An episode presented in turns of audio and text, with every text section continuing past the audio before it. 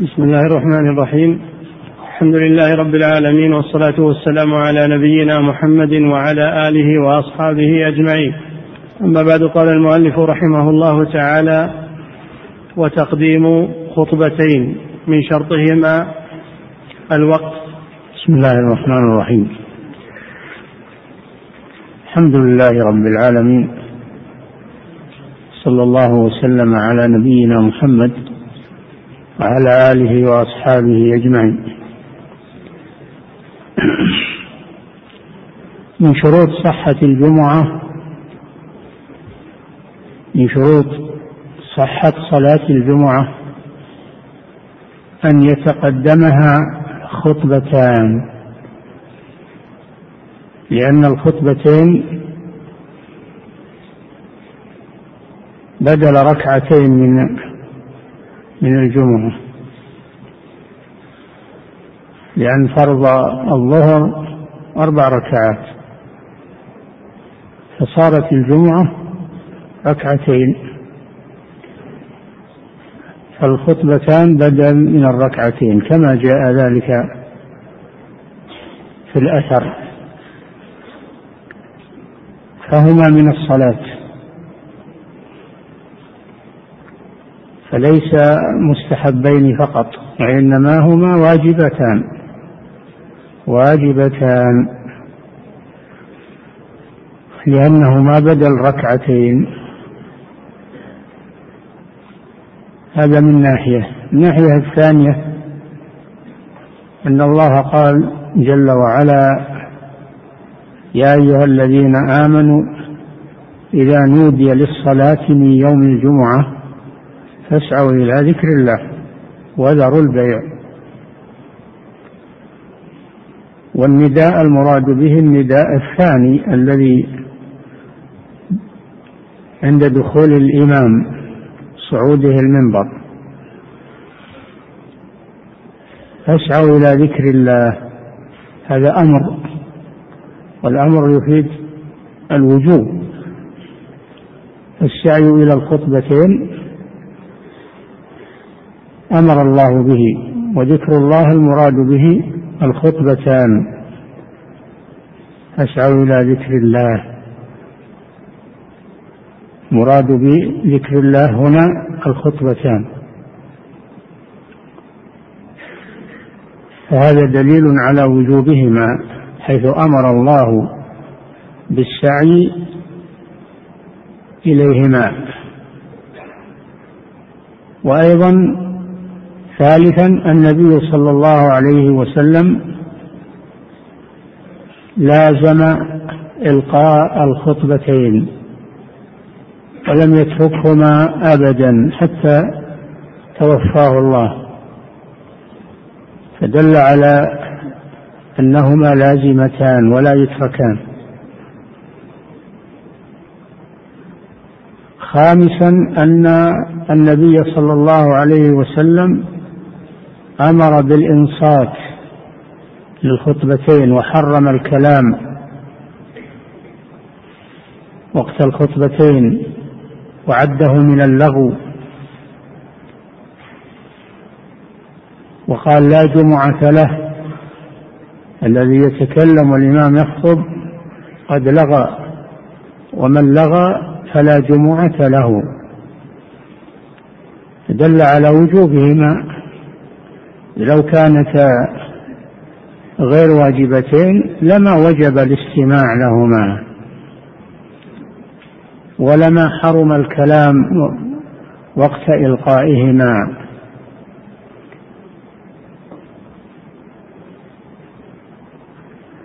ولا يكفي خطبة واحدة تقدم خطبتين لما ثبت في الصحيحين من حديث ابن عمر وغيره أن النبي صلى الله عليه وسلم كان يخطب خطبتين يفصل بينهما بجلوس. يخطب خطبتين يفصل بينهما بجلوس. فلا يجزي خطبة واحدة. من خطب خطبة واحدة واقتصر عليها لم تصح جمعته. لأن هذا مخالف لهدي النبي صلى الله عليه وسلم. قد قال صلى الله عليه وسلم صلوا كما رأيتموني أصلي. ولا ورد عنه أنه اقتصر على خطبة واحدة. فيجب التنبه لهذا لأن بعض المتعالمين بلغنا أنهم يقتصرون أو أنه يقتصر على خطبة واحدة ويتلاعب بالصلاة. وهذا خطر لأنها لا تصح صلاته ولا صلاة من خلفه. فلا يجوز التلاعب بالدين.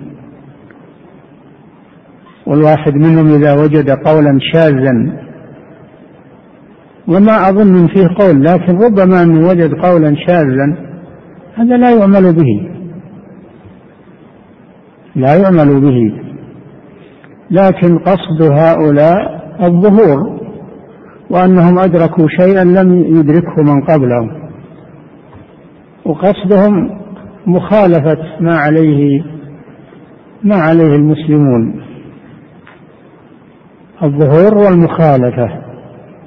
وهذه فتنة فتنة وشر حينما يظهر في المسلمين من حدثاء الأسنان وقليل العلم من يتقحم هذه المسائل الخطيرة ويعرض الناس للخطر في دينهم. هذه مصيبة عظيمة. وهذا من العبث بالدين ولا حول ولا قوة إلا بالله. فمن شروط صحة صلاة الجمعة تقدم خطبتين. لاحظ تقدم ولا يجوز أن تكون الخطبتان بعد الجمعة إنما هذا في صلاة العيد. هي التي تقدم الصلاة فيها على الخطبة. هذا في صلاة العيد صلاة الاستسقاء. أما الجمعة فيشترط تقدمهما للصلاة. ولما حاول بعض أمراء بني أمية أن يقدم الصلاة على الخطبتين لما حاول أن يقدم الصلاة على الخطبتين أنكر عليه من حضر من الصحابة. أنكروا عليه ذلك إنكارا شديدا. لأن هذا مخالف لهدي النبي صلى الله عليه وسلم.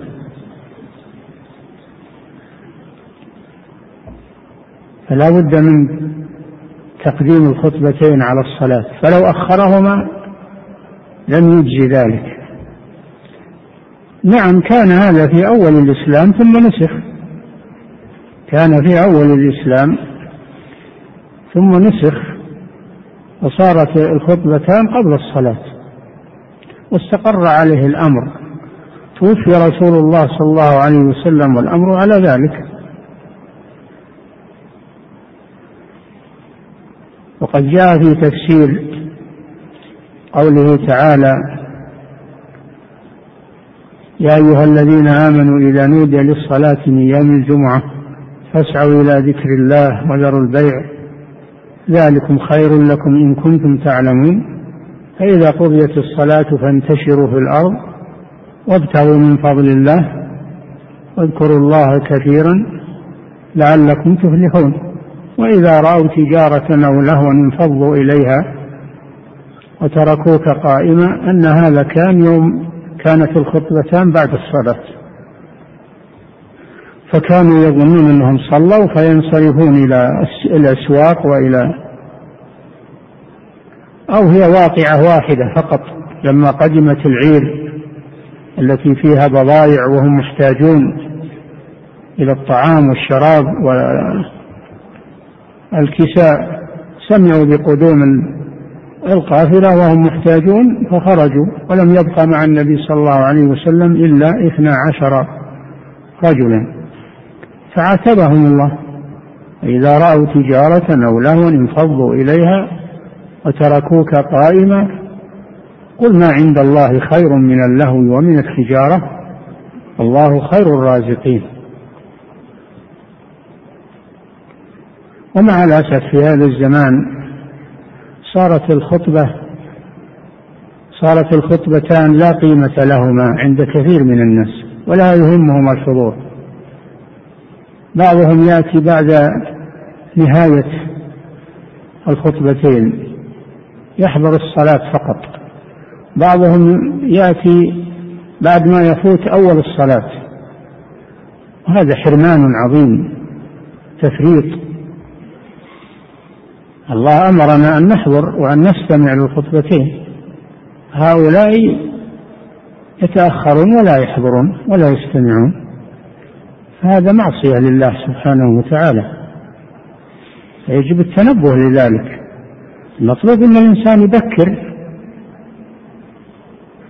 يبكر قبل الصلاة في وقت يجلس في المسجد ويذكر الله ينتظر وهو في صلاة وفي عبادة.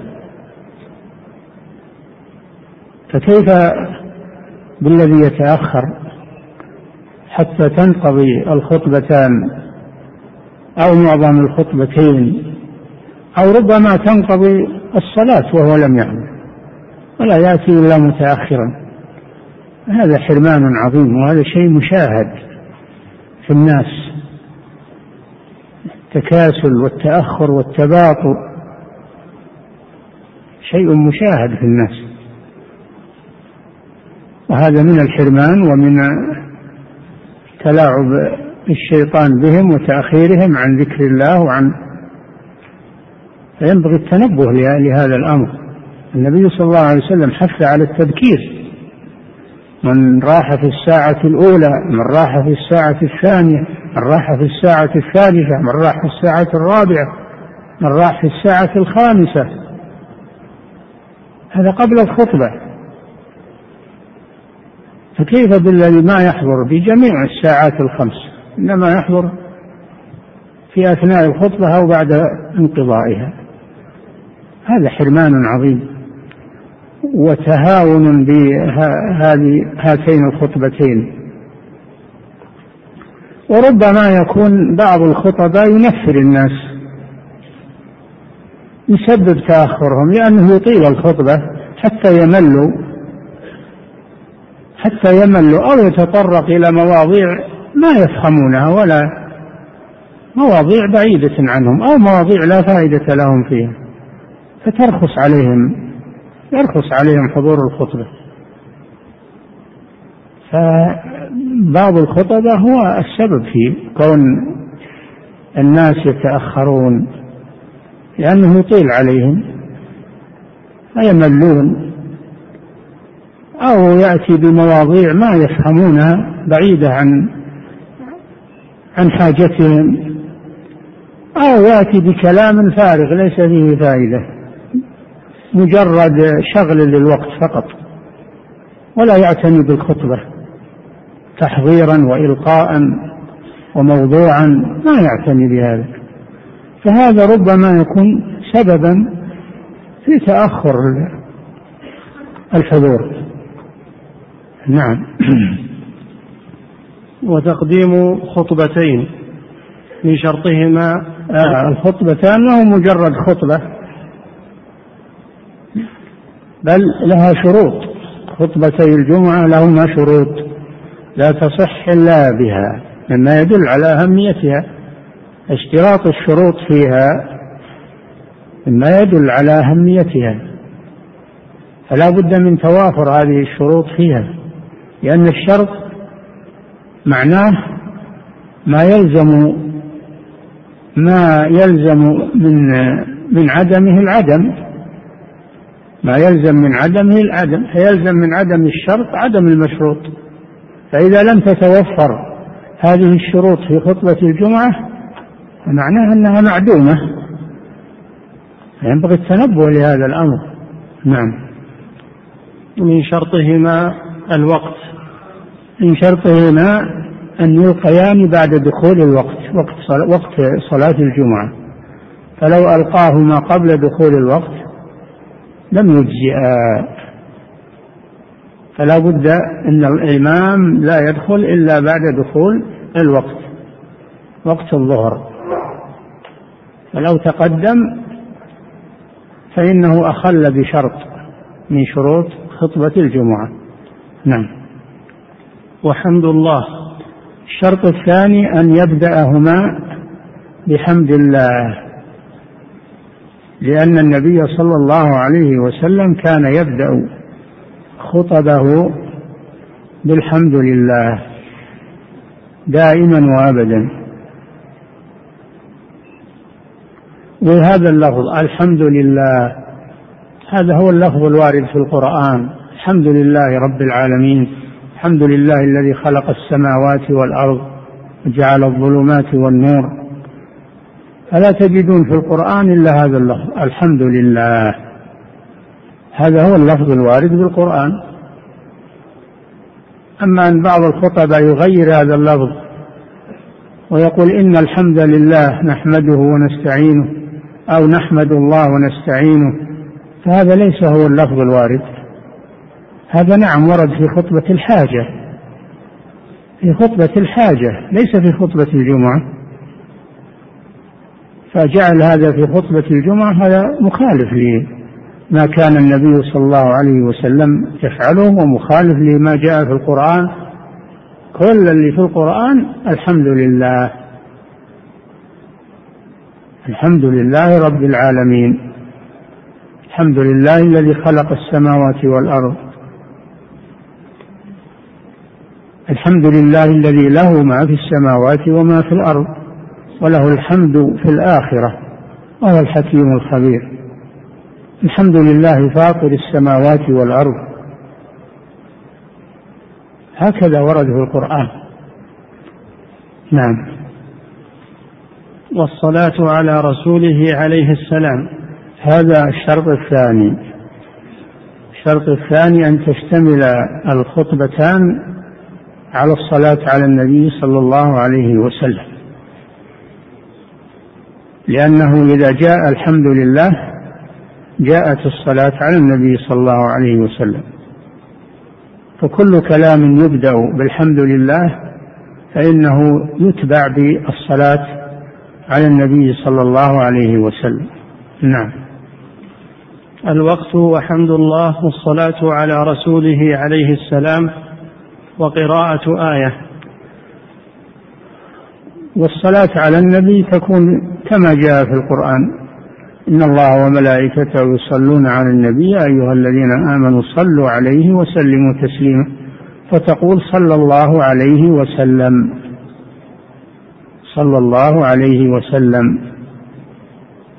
أما أن تقول صلى الله عليه وآله كما ينطق به بعض الناس اليوم فهذا لم يرد بهذا اللفظ إلا في التشهد الأخير من الصلاة.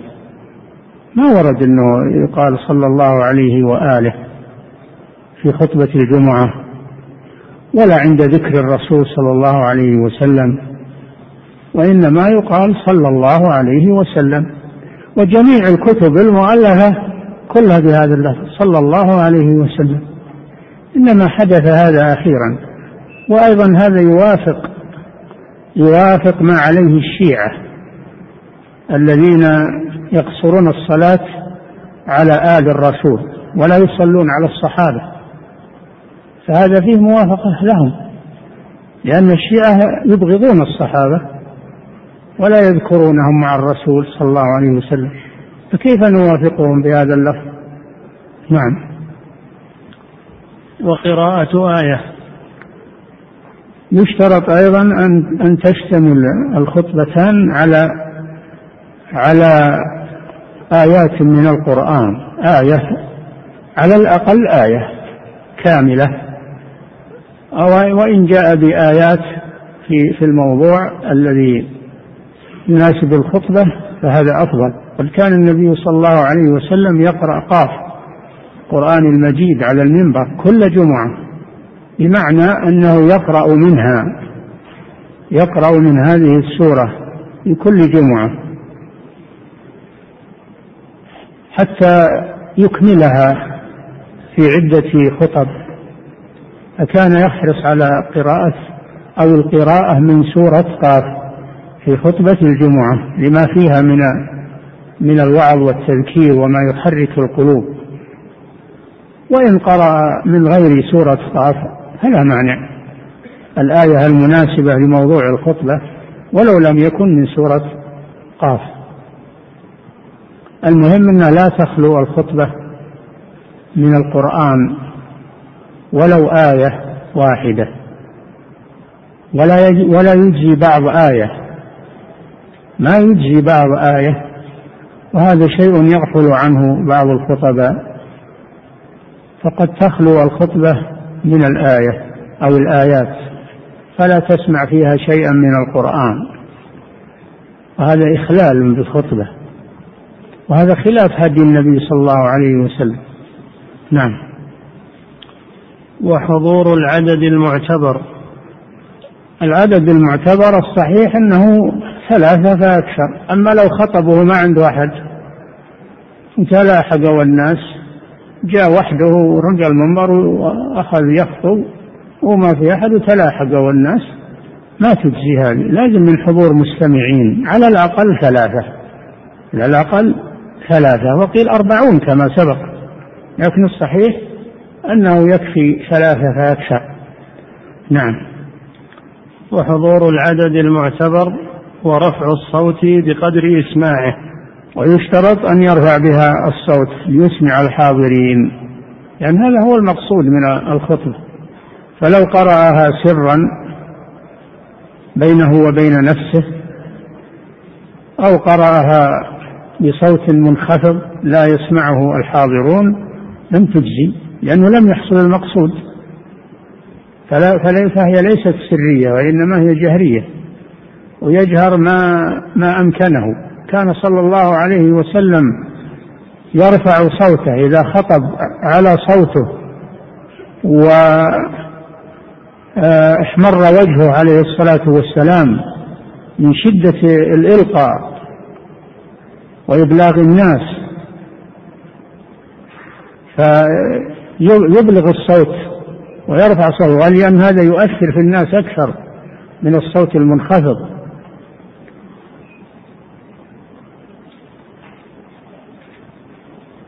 واليوم والحمد لله مكبر الصوت وفر على الناس الكثير فيبلغ الكثير من الناس بدون كلفة ورفع صوت. هذا من تيسير الله سبحانه وتعالى فمكبر الصوت فيه إعانة للخطيب. نعم. والنية. نعم. ورفع الصوت بقدر إسماعه. والنية. ويشترط لهما النية أن يلقيهما بنية لأن لأن الخطبتين عبادة. والعبادة لا تصح إلا بنية. قال صلى الله عليه وسلم إنما الأعمال بالنيات. ولأنهما من الصلاة. الصلاة لا تصح إلا بنية.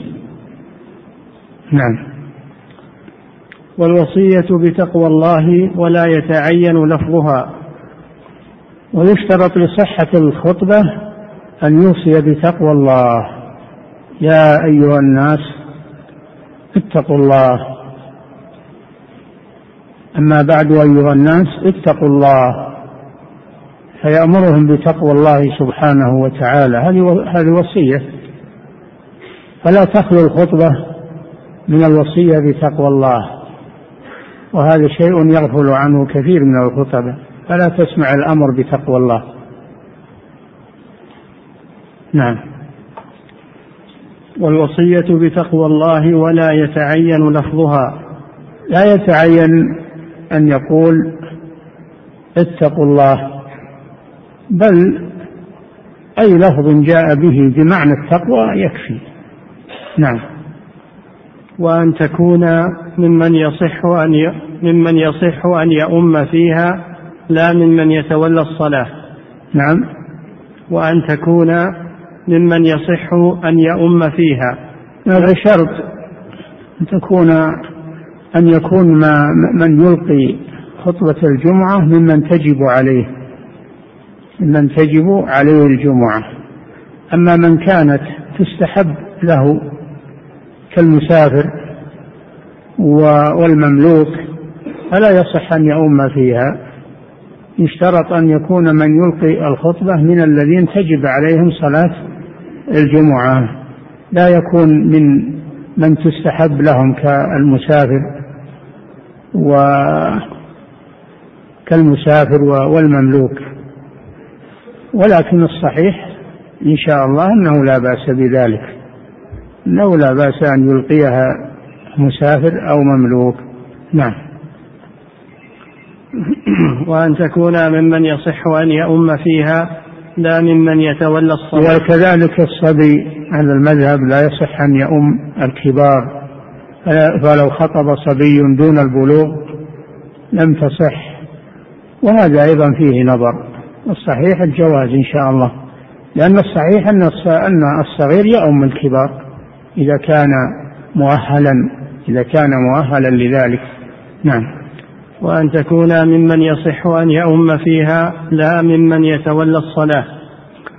ولا ولا يشترط أن يتولى الخطبتين من يتولى الصلاة. فلو خطب واحد وصلى بالناس آخر لا بأس بذلك. مثل الأذان والإقامة يجوز أن يؤذن واحد ويقيم آخر. نعم. وتسن الخطبة على منبر أو هذا انتهت شروط صحة الخطبة. انتقل إلى السنن التي ينبغي أن تشتمل عليها الخطبة. نعم. وتسن الخطبة على منبر أو موضع عال. يستحب أن يخطب على منبر أو على موضع مرتفع لأن هذا أبلغ في في الإعلام. وكان صلى الله عليه وسلم في أول الأمر يخطب ويستند إلى جذع نخلة في المسجد. فلما عمل له المنبر من ثلاث درجات من الخشب عمل له منبر من ثلاث درجات انتقل وخطب على المنبر صعد عليه عليه الصلاة والسلام. أو موضع مرتفع ولو لم يكن منبرا من أجل أن يراه الناس ويسمع كلامه ويتوجه إليه. نعم. وسلام خطيب إذا خرج وإذا أقبل عليهم. ويستحب للخطيب إنه إذا دخل المسجد يسلم على من أمامه. فإذا صعد المنبر فإنه يتوجه إلى الحضور ويسلم عليهم. السلام عليكم ورحمة الله وبركاته. هذا سنة. لو تركه صحت الخطبة. لأن هذا سنة. نعم.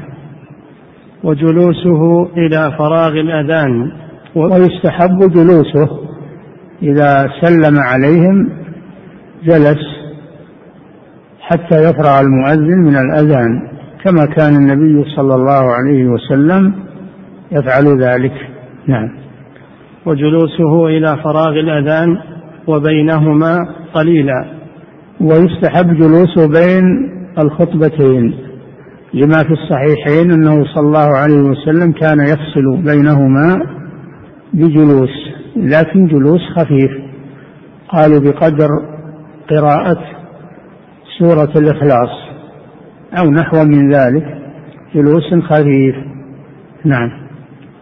والخطبة قائمة ويسن أن يكون الخطيب قائما. هذا سنة ولو خطب وهو جالس فلا بأس بذلك. وقد فعله بعض الصحابة خصوصا إذا كان ثقيلا أو مريضا. يجوز أنه يخطب وهو جالس. كان معاوية رضي الله عنه يخطب وهو جالس. نعم. والخطبة قائما معتمدا على سيف أو عصا. الاعتماد على عصا أو على قوس لا بأس به. أو يمسك بطرف المنبر يعتمد عليه لأنه في حال الإلقاء يحتاج إلى شيء يساعده في الوقوف يعتمد على شيء. أما الاعتماد على السيف هذا لم يصح. هذا لم يصح عن النبي صلى الله عليه وسلم وإنما كان يعتمد على قوس أو على عصا حال الخطبة. نعم. قاصدا تلقاءه كذلك من سنن الخطبة أن الخطيب يقصد ما أمامه. لا يتلفت. بعض الخطبة نشوفهم متلفتون حال الخطبة. لا. خطيب الجمعة يقصد تلقاء وجهه لا يلتفت يمينا ولا شمالا. هكذا السنة. نعم. وتقصيرهما هذه مهمة جدا تقصير الخطبتين. هذا متأكد لأن النبي صلى الله عليه وسلم أمر بذلك. فقال إن قصر إن قصر خطبة الرجل وطول صلاته مئنة من فقهه يعني علامة على فقهه فأقصروا فأطيلوا الصلاة وأقصروا الخطبة. هذه هذا الذي أمر به صلى الله عليه وسلم. الآن الذي يحدث من كثير من الخطباء العكس. يطيل الخطبة ساعة أحيانا أو أكثر من ساعة وأما الصلاة خلال دقيقة أو دقيقتين. هذا خلاف السنة.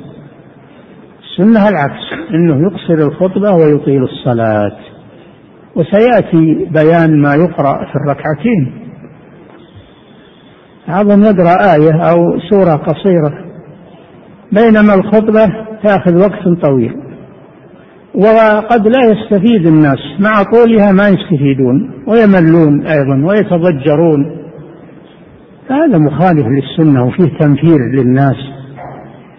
نعم. وتقصيرهما والثانية أكثر. وتقصير الثانية أكثر من تقصير الأولى. نعم. والدعاء للمسلمين. ويستحب في الخطبتين الدعاء للمسلمين بالنصر والتوفيق والهداية و وإذا كانوا محتاجين إلى الغيث أو نزل بهم ضائقة يدعو لهم وهم يؤمنون أو احتاجوا إلى الاستسقاء كذلك يدعو وهم يؤمنون فيدعو للمسلمين. نعم. والدعاء للمسلمين وأبيح لمعين كالسلطان.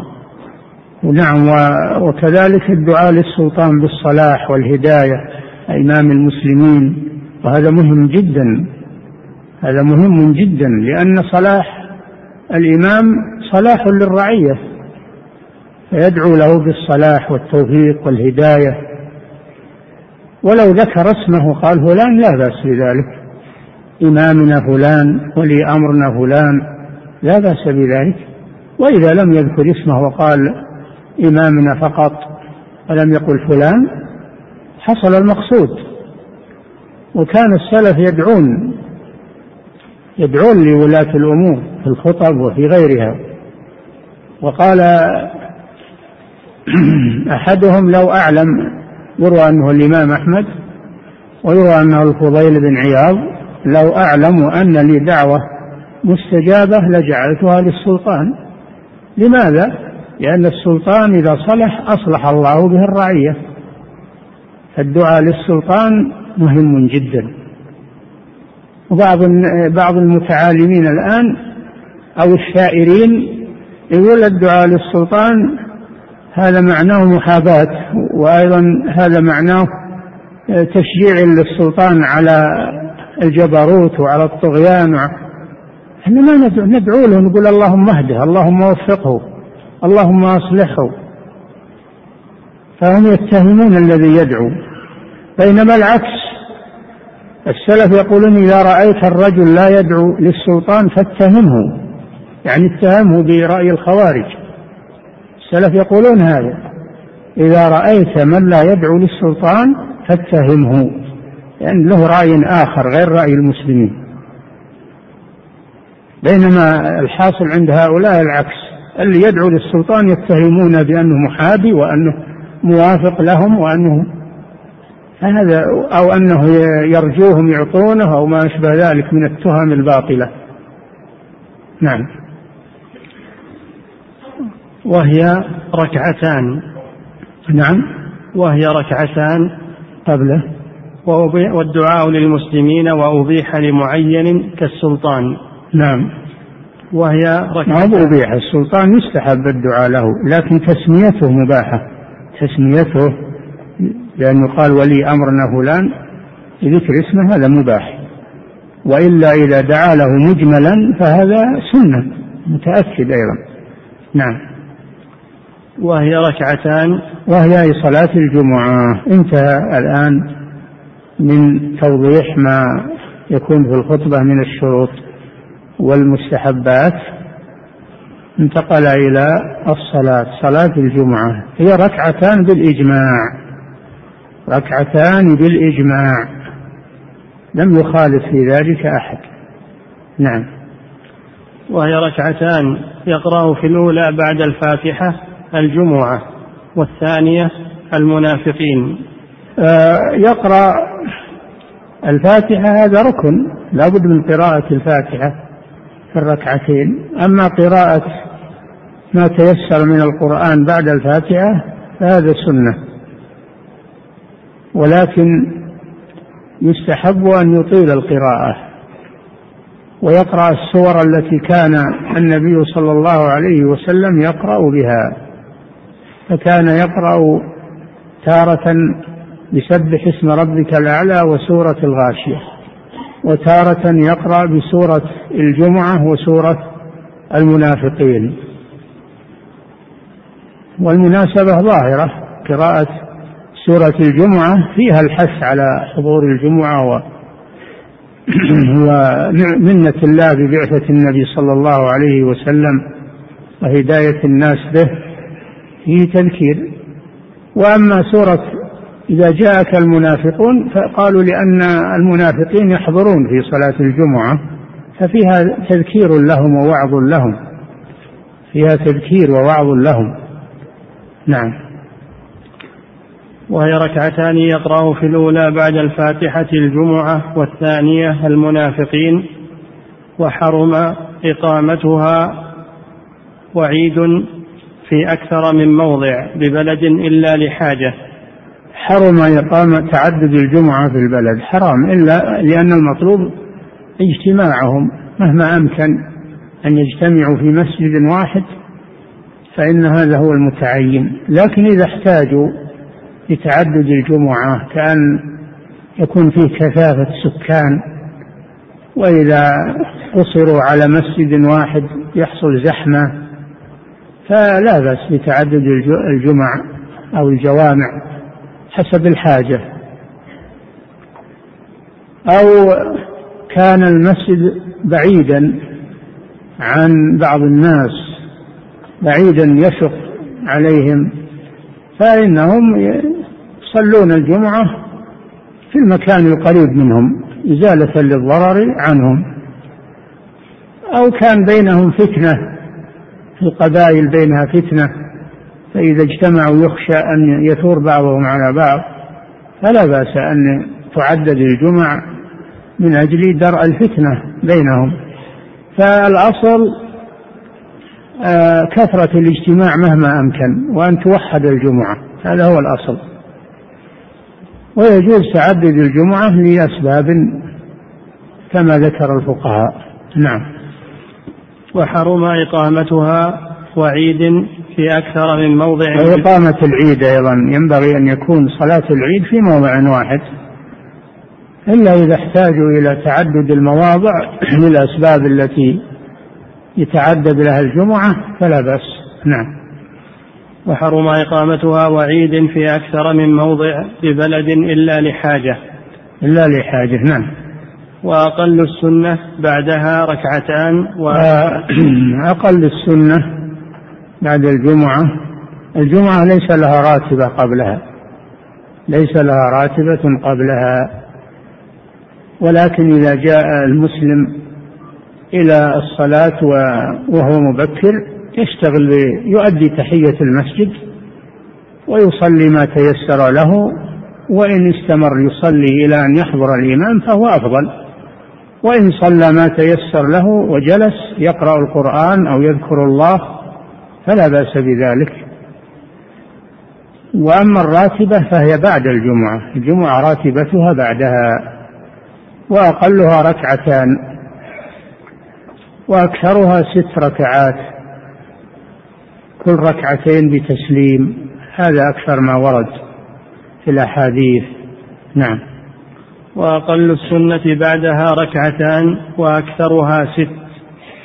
نعم. وسن قبلها أربع غير راتبة. نعم الصلاة قبلها ليس راتبة وإنما هو نفل مطلق. نفل مطلق. فليس له تحديد. أقله تحية المسجد إذا دخل وما زاد عليه فهو أفضل. نعم.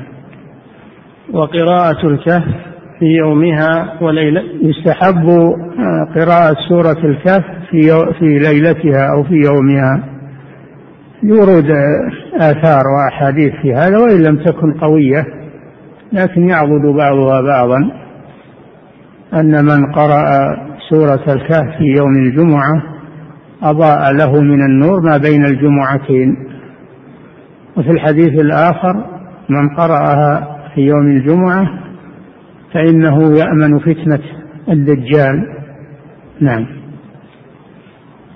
وقراءة الكهف في يومها وليلتها. نعم. وكثرة دعاء. ويستحب كثرة الدعاء في يوم الجمعة لأن يوم الجمعة فيه ساعة. لا يوافقها عبد مسلم يسأل الله إلا أعطاه. سمى ساعة الإجابة ولكنها خفية لا تعلم في أي جزئيات اليوم. لأجل أن يجتهد المسلم بالدعاء في كل اليوم ويصادف هذه الساعة. وأحرى ما تكون الساعة الإجابة بعد العصر. أحرى ما تكون بعد العصر. وهذا ما ذهب إليه الإمام أحمد رحمه الله. وقيل إنها من جلوس الإمام على المنبر إلى أن تقضى الصلاة. وهناك أقوال كثيرة فيها ربما تزيد على أربعين قول ذكرها في فتح الباري لكن أقواها هذان القولان أنها بعد العصر قبيل غروب الشمس آخر ساعة يوم الجمعة. وقيل إنها من جلوس الإمام على المنبر إلى أن تقضى الصلاة. نعم. وكثرة دعاء وصلاة على النبي صلى الله عليه نعم وسلم. نعم ويستحب الإكثار من الصلاة على النبي صلى الله عليه وسلم في يوم الجمعة وليلتها لأنه صلى الله عليه وسلم أمر بذلك. قال من صلى علي واحدة صلى الله عليه بها عشرا نعم. وغسل ويستحب الغسل يوم الجمعة وعند الذهاب إلى الجمعة أفضل. فهو مشروع بالإجماع. الغسل للجمعة مشروع بالإجماع لكن اختلفوا هل هو واجب أو مستحب. الجمهور على أنه مستحب وليس واجبا. بدليل قوله صلى الله عليه وسلم من توضأ يوم الجمعة فبها ونعمت ومن اغتسل فالغسل أفضل. هذا دليل على أن الغسل مستحب. وذهب طائفة من العلماء إلى أنه واجب. لقوله صلى الله عليه وسلم غسل الجمعة واجب على كل محتلم. قول واجب هذا يدل على الوجوب. إلا أن الجمهور يقولون معنى الوجوب التأكد. وليس معناه الإلزام بدليل من توضأ يوم الجمعة فبها ونعمات ومن اغتسل فالغسل أفضل. فهذا الحديث يفسر حديث غسل الجمعة واجب لأن المراد بالوجوب هنا التأكد. وذكر ابن القيم رحمه الله قولا ثالثا في أن من كان به أوساخ وروايح كريهة فالغسل واجب لإزالتها عند الذهاب إلى صلاة الجمعة. وأما من كان سليما وليس فيه روائح فالغسل مستحب. وهذا قول وجيه. نعم. وغسل وتنظف وتطيب. وتنظف في جسمه وثيابه لأن هذا موسم عظيم ومجمع مجمع عظيم. وعيد عيد الأسبوع. كما يتزين لعيد الفطر وعيد الأضحى يتزين للجمعة لأن عيد الأسبوع يتجمل بأجمل ثيابه ويتطيب ويزيل عنه الرائحة الكريهة احتفاء بهذا اليوم العظيم. نعم. وغسل وتنظف وتطيب. نعم. ولبس بياض. يعني يلبس ثياب الجميلة. يتزين بالثياب لهذا اليوم ولا يروح بثياب الرشة أو وسخة. مهما أمكنه ذلك. والبياض أفضل لقوله صلى الله عليه وسلم البسوا من ثيابكم البياض وكفنوا فيه موتاكم. نعم. وتبكير إليها ماشية ويستحب التبكير إليها. تبكير إليها وهذا مع الأسف فقد إلا ما شاء الله. يبكر إليها. بعض الناس الذين يلتمسون الأجر يأتون إليها بعد صلاة الفجر. بعضهم يأتي بعد طلوع الشمس. كانوا يبكرون لها. يبكرون لها. يكتسبون الأجر عند الله عز وجل. هذا موسم من مواسم الآخرة. موسم العمر هذا. يا ليتهم على الأقل يأتون بساعة قبل دخول الإمام نعم. وتبكير إليها ماشيا. بقوله صلى الله عليه وسلم من بكر وابتكر بكر إلى الجمعة ومشى ولم يركب. يستحب أن يكون ماشيا لتحسب له خطواته. كل خطوة يرفع الله له بها درجة ويحط عنه بها خطيئة فيأتي إليها ماشيا متواضعا. وإن احتاج إلى الركوب يركب. لكن إذا كان يستطيع المشي فهو أفضل. نعم. وتبكير إليها ماشيا ودنو من الإمام. ودنو من الإمام. ولا يحصل على الدنو من الإمام إلا إذا بكر. إلا إذا بكر. وأقرب الناس من الرسول صلى الله عليه وسلم يوم القيامة أقربهم من الإمام يوم الجمعة. وهذا فضل عظيم. هذا فضل عظيم. نعم. ودنو من الإمام وكره لغيره تخطي الرقاب إلا وكره لغير الإمام تخطي الرقاب. يجي يخوض الصفوف من ورائها. حرام هذا. لأن هذا يؤذي المصلين. وقد رأى النبي صلى الله عليه وسلم رجلا تخطى الرقاب يوم الجمعة فقال اجلس فقد آذيت. فقد آذيت. إلا الإمام إذا لم يكن له مدخل من عند المنبر فإنه لا بأس أن يتخطى الرقاب لأنه لا بد من هذا. وكذلك إذا رأى فرجة إذا رأى المصلي فرجة في صف فلا بأس أن يتخطى حتى يصل إليها. لأن الحضور هم الذين أهملوا وتركوا الفرجة. فلا بأس أن يسعى إلى هذه الفرجة ويسدها. ولو تخطى الرقاب. إذا تخطي الرقاب يجوز فيه حالتين. حالة دخول الإمام إذا لم يكن له مدخل. إلا هذا وحالة إذا رأى فرجة يذهب إليها ليسدها. أما غير ذلك فلا يتخطى رقاب الناس. نعم. وكره لغيره تخطي الرقاب. يعني لغير الإمام. نعم. وكره لغيره تخطي الرقاب إلا لفرجة لا يصل إليها إلا به. إلا بالتخطي. أما لو وصل إلى الفرجة بغير التخطي كأن يذهب مع طريق آخر ويروح للفرجة فمهما أمكن تلافي تخطي الرقاب فهو أفضل. نعم. وإيثار بمكان أفضل لا قبول. نعم يكره أن الإنسان يقوم من مكانه ويقدم به غيره لأن هذا معناه زهد في الأجر. لأن هذا معناه الزهد في الأجر. فمن سبق إلى مكان فإنه يبقى فيه ليحصل على الأجر ولا يتنازل عنه عنه لغيره. إلا من قدمه صاحب المكان يجلس فيه ويحفظه له حتى يحضر فلا بأس بذلك. خادمه أو ولده قدمه أمامه ليحجز له المكان حتى يأتي لا بأس. أما حتى أن الصحابة كان أحدهم إذا قام له أحد من الصف والإمام أحمد أيضا فعل هذا إذا قام له أحد من الصف لم يجلس, لم يجلس فيه بل يتركه لصاحبه. نعم. وإيثار بمكان أفضل لا قبول. لا قبوله وقبوله لا يكره انك إذا قام لك أحد ما يكره ولكن الصحيح إنه يكره أيضا. أنه يكره. نعم.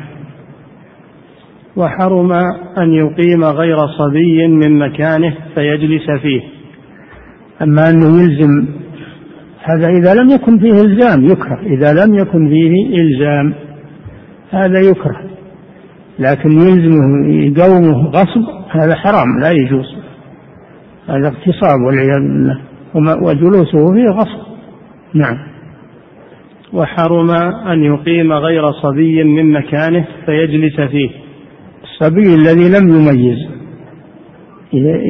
يوخره يجلس في مكانه. أما الصبي المميز الذي تصح منه الصلاة فلا. نعم.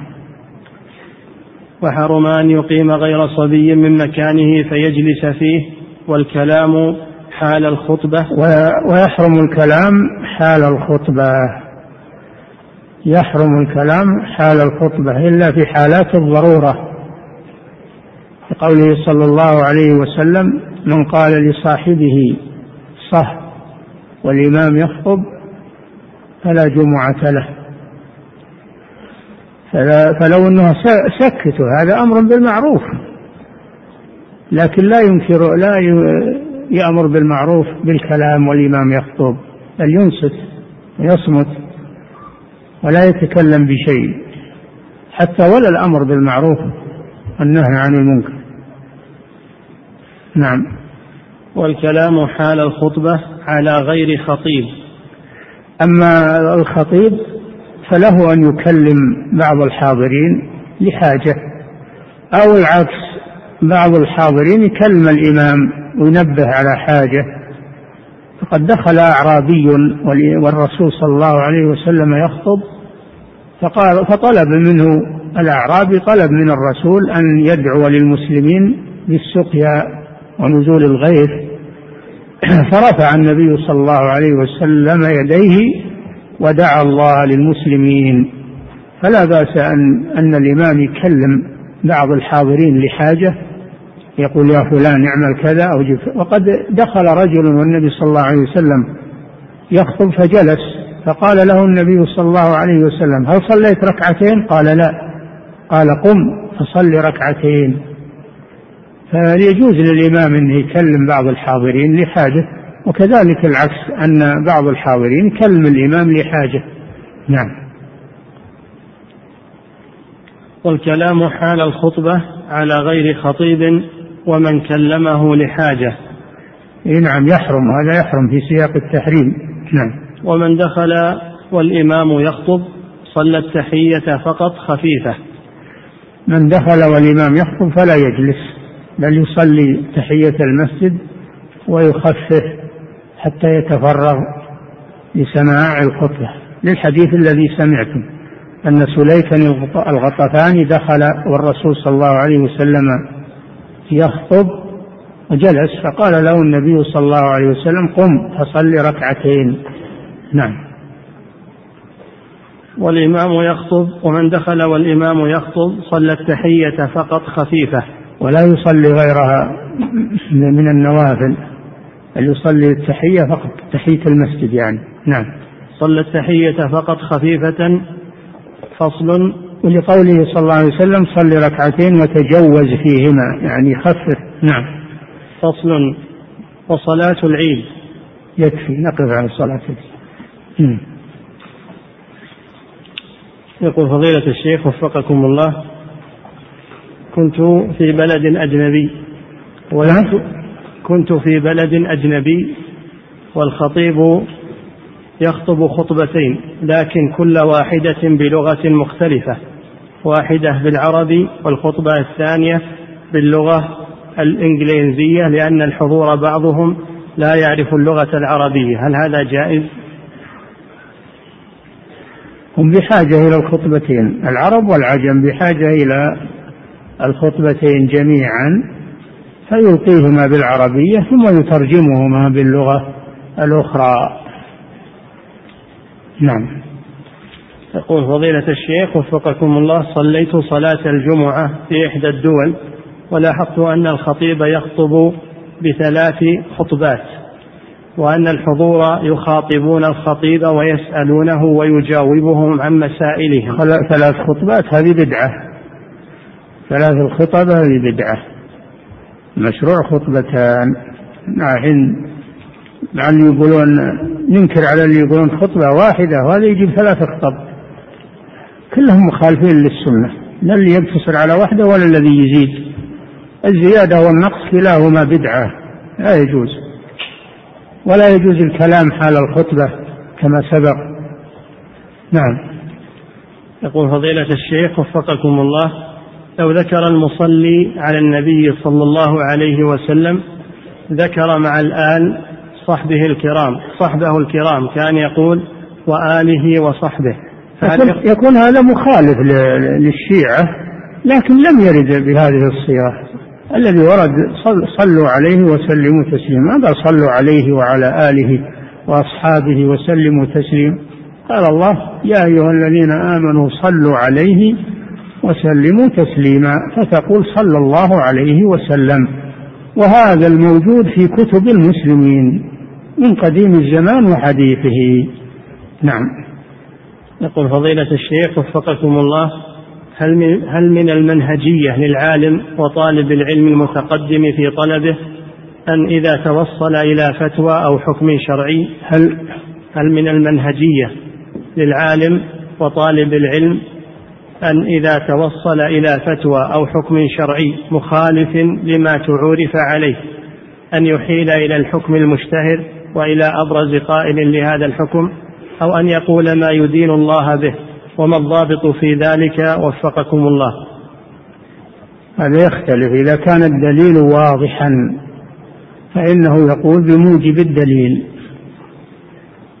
وأما إذا كان الدليل ما هو واضح فيه احتمال فإنه يبقى على ما عليه عموم الناس ولا يشوش عليهم. لأن ما فيه ما فيه ما فيه نص بحيث إنه يقول للناس هذا خلاف النص. الأمر يختلف. نعم. ثم هذا من شأن طالب العلم المتمكن. ما هو من شأن أي واحد؟ أنه يغير ويبدل ويخالف. ما هو من شأن المبتدئين والجهال؟ هذا من شأن أهل العلم المتمكنين أنه إذا كان الدليل واضحا ونصا فإنه لا لا يعدل عنه أبدا. وينبه الناس على هذا. أما إذا كان الأمر محتملا ما هو بنص وإنما هو احتمال فلا فلا ننكر على ما عليه الناس من غير نص من غير نص في المسألة واضح. وتأليف القلوب ما في شك تأليف الجماعة واجتماع الكلمة مطلوب وعدم التشويش وعدم إثارة الفتنة هذا مطلوب. إذا كان الناس على قول لا يخالف نصا فإنه لا لا ينكر عليهم ولا يخالفون. نعم.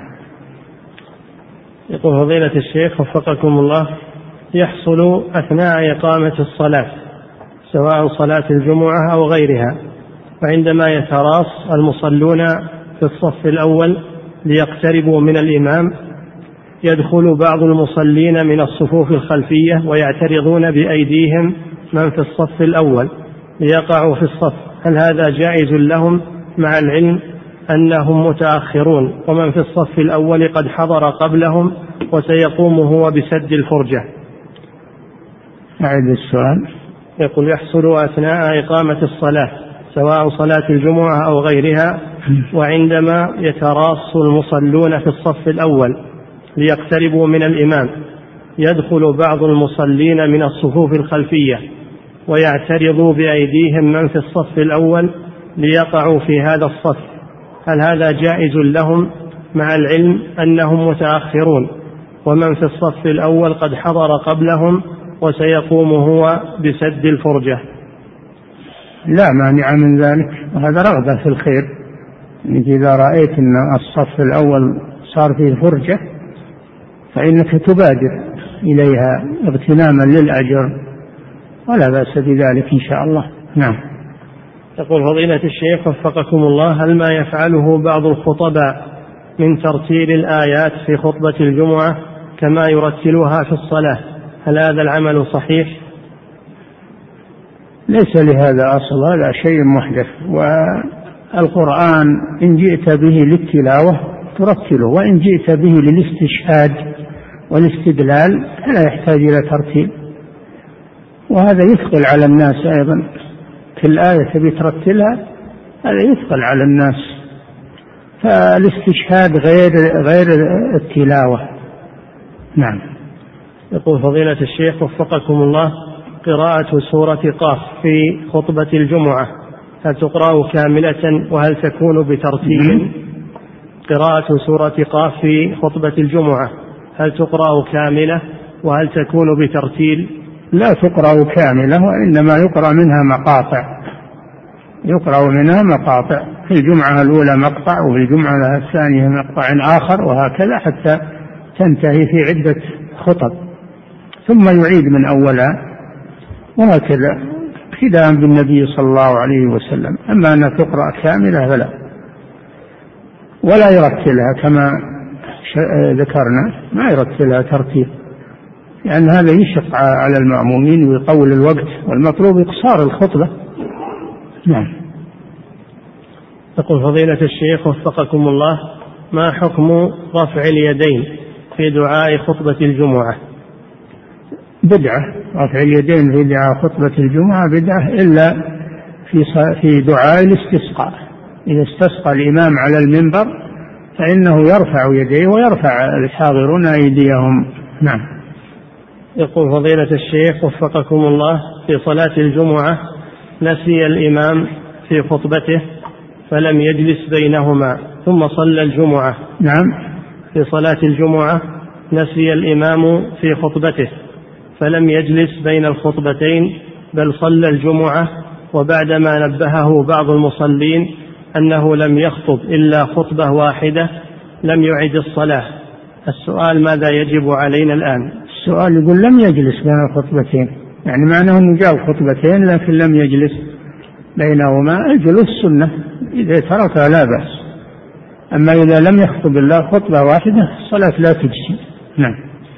يقول فضيلة الشيخ وفقكم الله هناك رجل دخل ليخطب في الناس فلما دخل بدأ بالخطبة مباشرة ولم يسلم ولم يؤذن المؤذن فما الحكم في ذلك؟ هذا ترك سنن.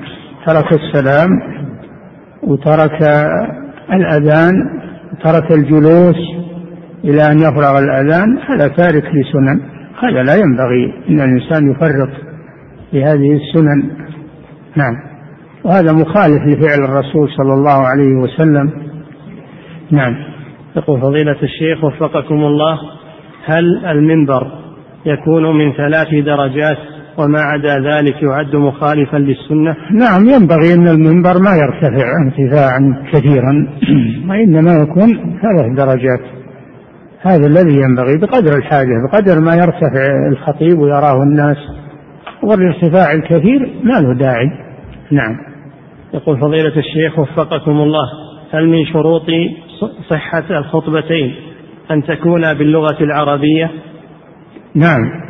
شرط أن تكون باللغة العربية إلا إذا كان الحضور كلهم أعاجم إذا كان الحضور كلهم أعاجم فإنها تلقى بلغتهم. أما إذا كانوا عربا أو فيهم عرب وأعاجم فإنها تلقى بالعربية ثم تترجم للأعاجم بلغتهم.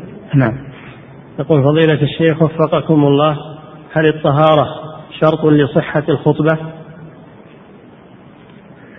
لا الطهارة ليست شرطا لصحة الخطبة. يجوز أن يلقيها وهو على غير وضوء. أو نعم يجوز.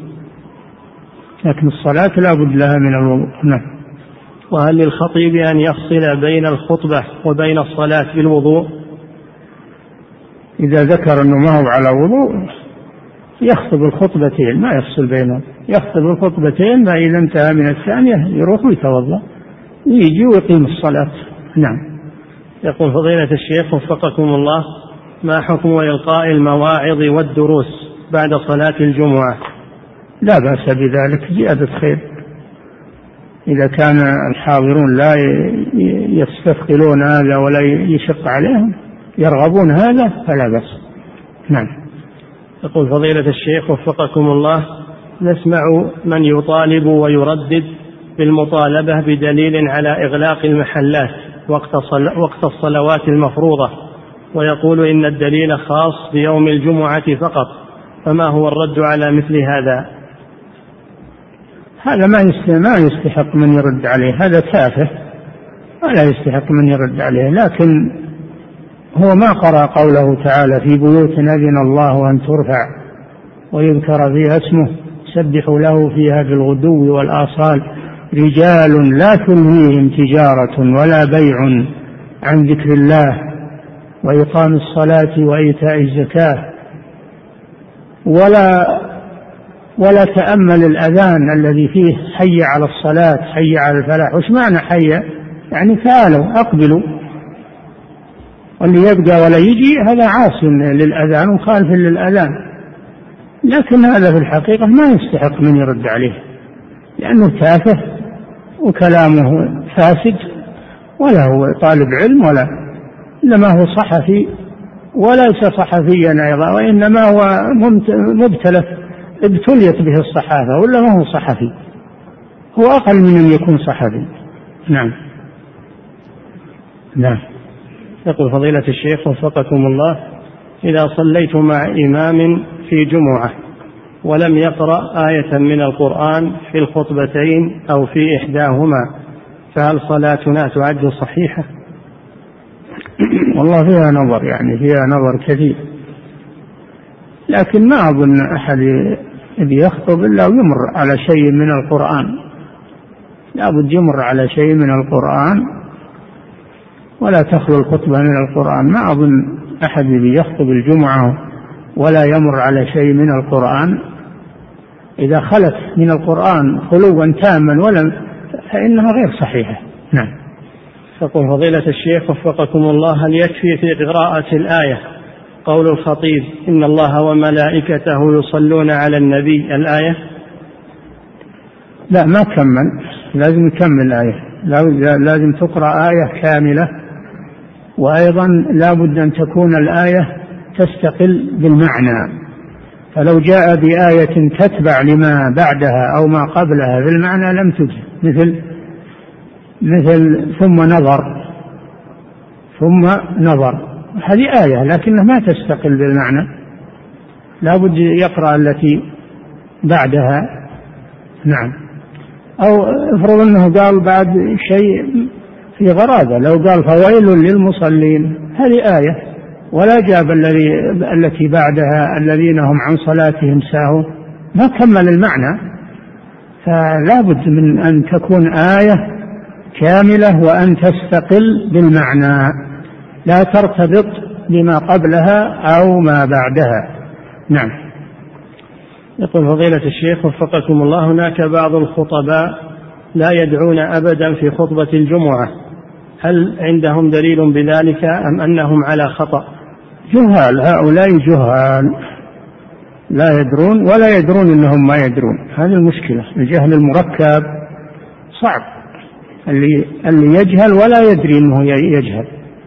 بل يدعي إنه عالم. هذه مشكلة. نعم. يقول فضيلة الشيخ وفقكم الله هل يؤمن المأموم في أثناء الخطبة في أثناء الخطبة إذا دعا الخطيب أو يسكت؟ يؤمن. يؤمن على دعاء لكن ما يرفع صوته. نعم. قل فضيلة الشيخ وفقكم الله إذا دخل الشخص إلى المسجد والمؤذن يؤذن للأذان الثاني. أه؟ إذا دخل الشخص إلى المسجد والمؤذن يؤذن للأذان الثاني. هل يردد مع المؤذن أم يبادر بأداء الركعتين؟ يبادر بأداء الركعتين من أجل أن يتفرغ في سماع الخطبة. نعم. يقول فضيلة الشيخ وفقكم الله ما رأي فضيلتكم في الاستدلال بالشعر في خطبة الجمعة خصوصا بعد كثرته والإكثار منه من الخطباء؟ إذا كان له علاقة بموضوع الخطبة والشعر نزيه ما فيه سب ولا هجة ولا وهو له علاقة بموضوع الخطبة لا بأس. لكن ما يكثر منه بيت بيتين كذا. نعم. يقول فضيلة الشيخ وفقكم الله من استاك بالسواك والإمام يخطب فهل يعد لاغيا؟ نعم متحرك هذا حركة. واللي يستمع لا يتحرك ولا ولا يتكلم. إذا تحرك أو خطط بالأرض أو هذا عبث. من مس الحصى يعني حرك الأرض وخط في الأرض فقد لغى. نعم. يقول فضيلة الشيخ وفقكم الله هل في يوم الجمعة وقت نهي قبل الصلاة مثل صلاة الظهر؟ لا يوم الجمعة الوقت الزوال ما فيه نهي. هذا من خصائص يوم الجمعة إنه ما فيه وقت الزوال ما تمنع الصلاة فيه. نعم. يقول فضيلة الشيخ وفقكم الله ما حكم أن يتكلم الخطيب في الموضوع بخطبة واحدة؟ والخطبة الثانية يجعل فيها خطبة الحاجة والدعاء فقط. لا ينبغي أن كل الخطبتين تشتملان على المواصفات السابقة من حمد الله والثناء عليه الصلاة على رسوله والشهادتين الصلاة على الرسول صلى الله عليه وسلم. وأن يجعل فيها شيء من من موضوع الخطبة الأولى يعني يمكن ما كمل الموضوع في الخطبة الأولى يكمله في الثانية. نعم. ما يخلي الثانية فارغة ما فيها شيء. نعم. يقول فضيلة الشيخ وفقكم الله أحد الخطباء يحرك يديه تحريكا شديدا أثناء الخطبة وعندما نصح قال إن المسألة فيها خلاف. فهل قوله صحيح؟ ما هو صحيح. لا يحرك يديه. ما هي بخطبة نادي هذه؟ هذه ما هي بخطبة نادي هذه خطبة جمعة. ما يحرك يديه ولا يتلفت ولا نعم. يقول فضيلة الشيخ كذلك إذا جاء ذكر الرسول صلى الله عليه وسلم قال للمصلين صلوا على رسول الله. فهل اجتهاده هذا له مسوغ؟ لا هذا ما له مسوغ. هم يصلون على النبي صلى الله عليه وسلم عند ذكره بدون أن يقول صلوا. نعم. يقول فضيلة الشيخ وفقكم الله هل من السنة الجلوس لصلاة الجمعة من بعد صلاة الفجر وعدم الذهاب إلى انقضاء الصلاة الجمعة؟ نعم. يقول هل من السنة الجلوس لصلاة الجمعة من بعد صلاة الفجر وعدم الذهاب إلى وعدم الذهاب إلى انقضاء صلاة الجمعة؟ نعم هذا طيب. هذا في الساعة الأولى واستمر إلى صلاة الجمعة. شيء طيب. هذا معتكف يعتبر معتكف في المسجد ويعتبر منتظر لصلاة الجمعة ويعتبر أنه حاز على الساعات الخمس التي ذكرها النبي صلى الله عليه وسلم. لكن لا مانع إذا احتاج إلى وضوء أو إلى شيء خفيف يطلع ويقضي حاجته ويرجع. ويحتسب له الموجود في المسجد والجالس في المسجد. نعم. يقول فضيلة الشيخ وفقكم الله إذا أخذ خطيب الجمعة بالمشهور من مذهب الحنابلة فدخل قبل وقت الظهر بثلث ساعة أو عشر دقائق فهل ينكر عليه؟ نعم نعم ينكر عليه وهذا صدر فيه فتوى من اللجنة الدائمة بالمنع من هذا أو عمم على على المساجد على وزارة الشؤون الإسلامية وعمم على الأئمة فلا يجوز مخالفة هذا لأن هذا هو الصحيح. هذا هو الصحيح من قولي العلماء. نعم. يقول فضيلة الشيخ وفقكم الله ذكر المؤلف رحمه الله أن من السنة الدنو من الإمام. فإذا أتيت وكنت مخيرا بين أن أكون في الصف الأول لكن بعيدا عن الإمام إما إلى اليمين أو الشمال أو أكون في الصف الثاني لكن قريبا من الإمام. فأيهما أفضل؟ الأفضل القرب من الإمام. الأفضل أن تكون قريبا من الإمام ولو في الصف الثاني. نعم. يقول فضيلة الشيخ وفقكم الله سافرنا إلى مكة للعمرة من الرياض ثم صلينا الجمعة في الحرم ثم ذهبنا إلى الفندق وصلينا العصر قصرا في الفندق لأن الرحلة تنطلق الساعة الثانية. فهل فعلنا جائز؟ لا. هذا ما هو بجمع ولا دخل وقت العصر. تؤخرون العصر إلى دخول وقتها تصلون في وقتها. ولو تأخرت يعني قليلا أو أو تأخرا ما ليس كثيرا قبل اصفرار الشمس إذا وصلتم تصلون ولو في آخر الوقت ولو في آخر الوقت ولا تصلون قبل دخول الوقت. نعم. يقول فضيلة الشيخ وفقكم الله هل يشمت العاطس أثناء خطبة الجمعة؟ وهل يرد السلام أثناءها؟ لا. السلام يرد بصوت منخفض. ما يرفع صوته به. مع أنه ما يشرع إن, إن اللي يدخل يسلم. ما يشرع لكن إذا سلم الله جل وعلا يقول وإذا حييتم بتحية فحيوا بأحسن منه. فرد السلام واجب. ولكن يسره ولا يظهره. نعم. يقول فضيلة الشيخ وفقكم الله هل ورد عن النبي صلى الله عليه وسلم قراءة سورة الأعلى في الركعة الأولى وفي الثانية الغاشية في صلاة الجمعة؟ كما يفعله كثير من الخطباء علما بأن المؤلف لم يذكرها. لا معلوم هذا موجود. إذا لم يذكره المؤلف بل ذكره غيره. موجود في الشرح. في شرح هذا الكتاب مذكور. نعم. يقول فضيلة الشيخ وفقكم الله متى يبدأ الوقف المسنون لقراءة سورة الكهف؟ وهل صحيح أنه يبدأ من صلاة العصر يوم الخميس حتى صلاة مغرب يوم الجمعة؟ ما هو صحيح هذا. الذي ورد في الأثر أنه ليلة الجمعة ويوم الجمعة. ليلة الجمعة تبدأ من غروب الشمس. تبدأ من غروب الشمس ليلة الجمعة. فإذا قرأها من غروب الشمس وما بعده فإنه حصل على السنة. نعم. يقول فضيلة الشيخ وفقكم الله هل من اغتسل يوم الجمعة يكفيه ذلك عن الوضوء؟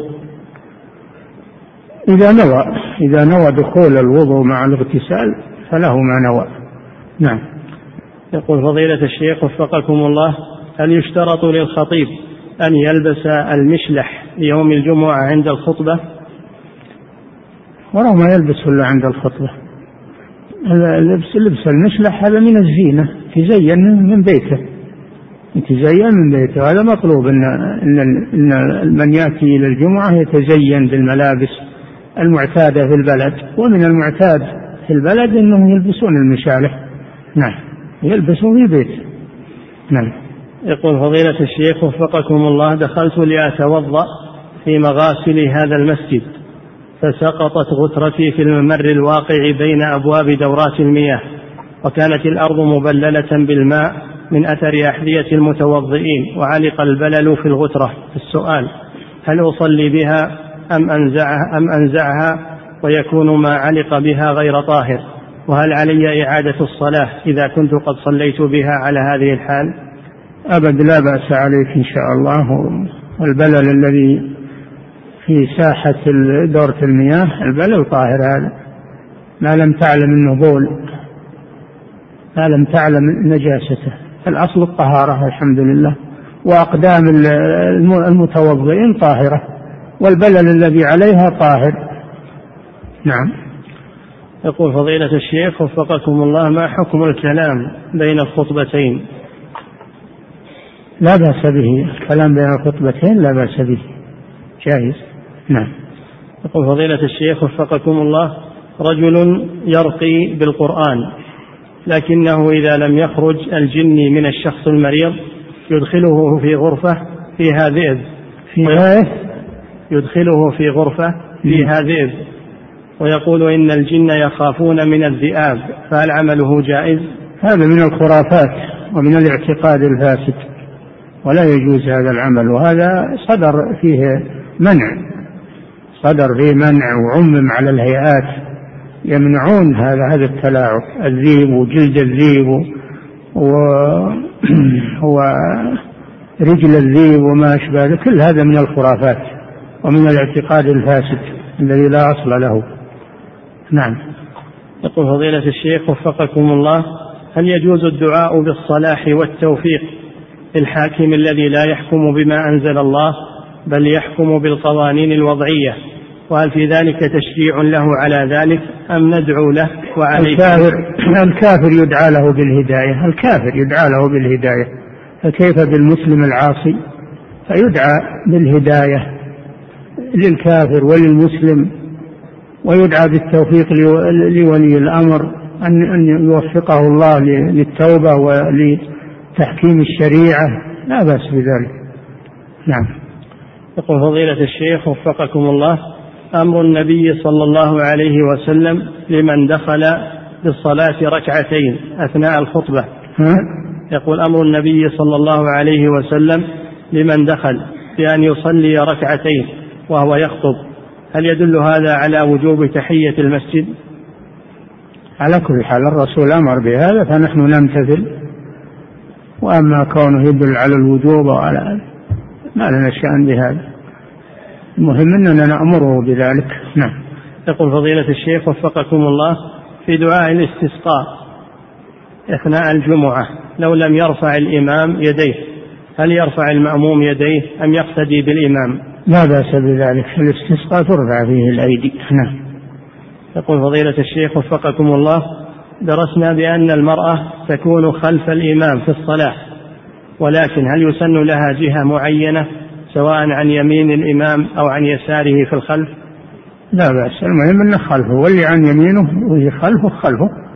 خلفه من اليمين أو خلفه من الشمال أو خلفه المحاذاة لا بأس بذلك. لأن هذه ما هي مصافحة ليست هذه مصافحة. نعم. انتهى. الله تعالى أعلم وصلى الله وسلم على نبينا محمد وعلى آله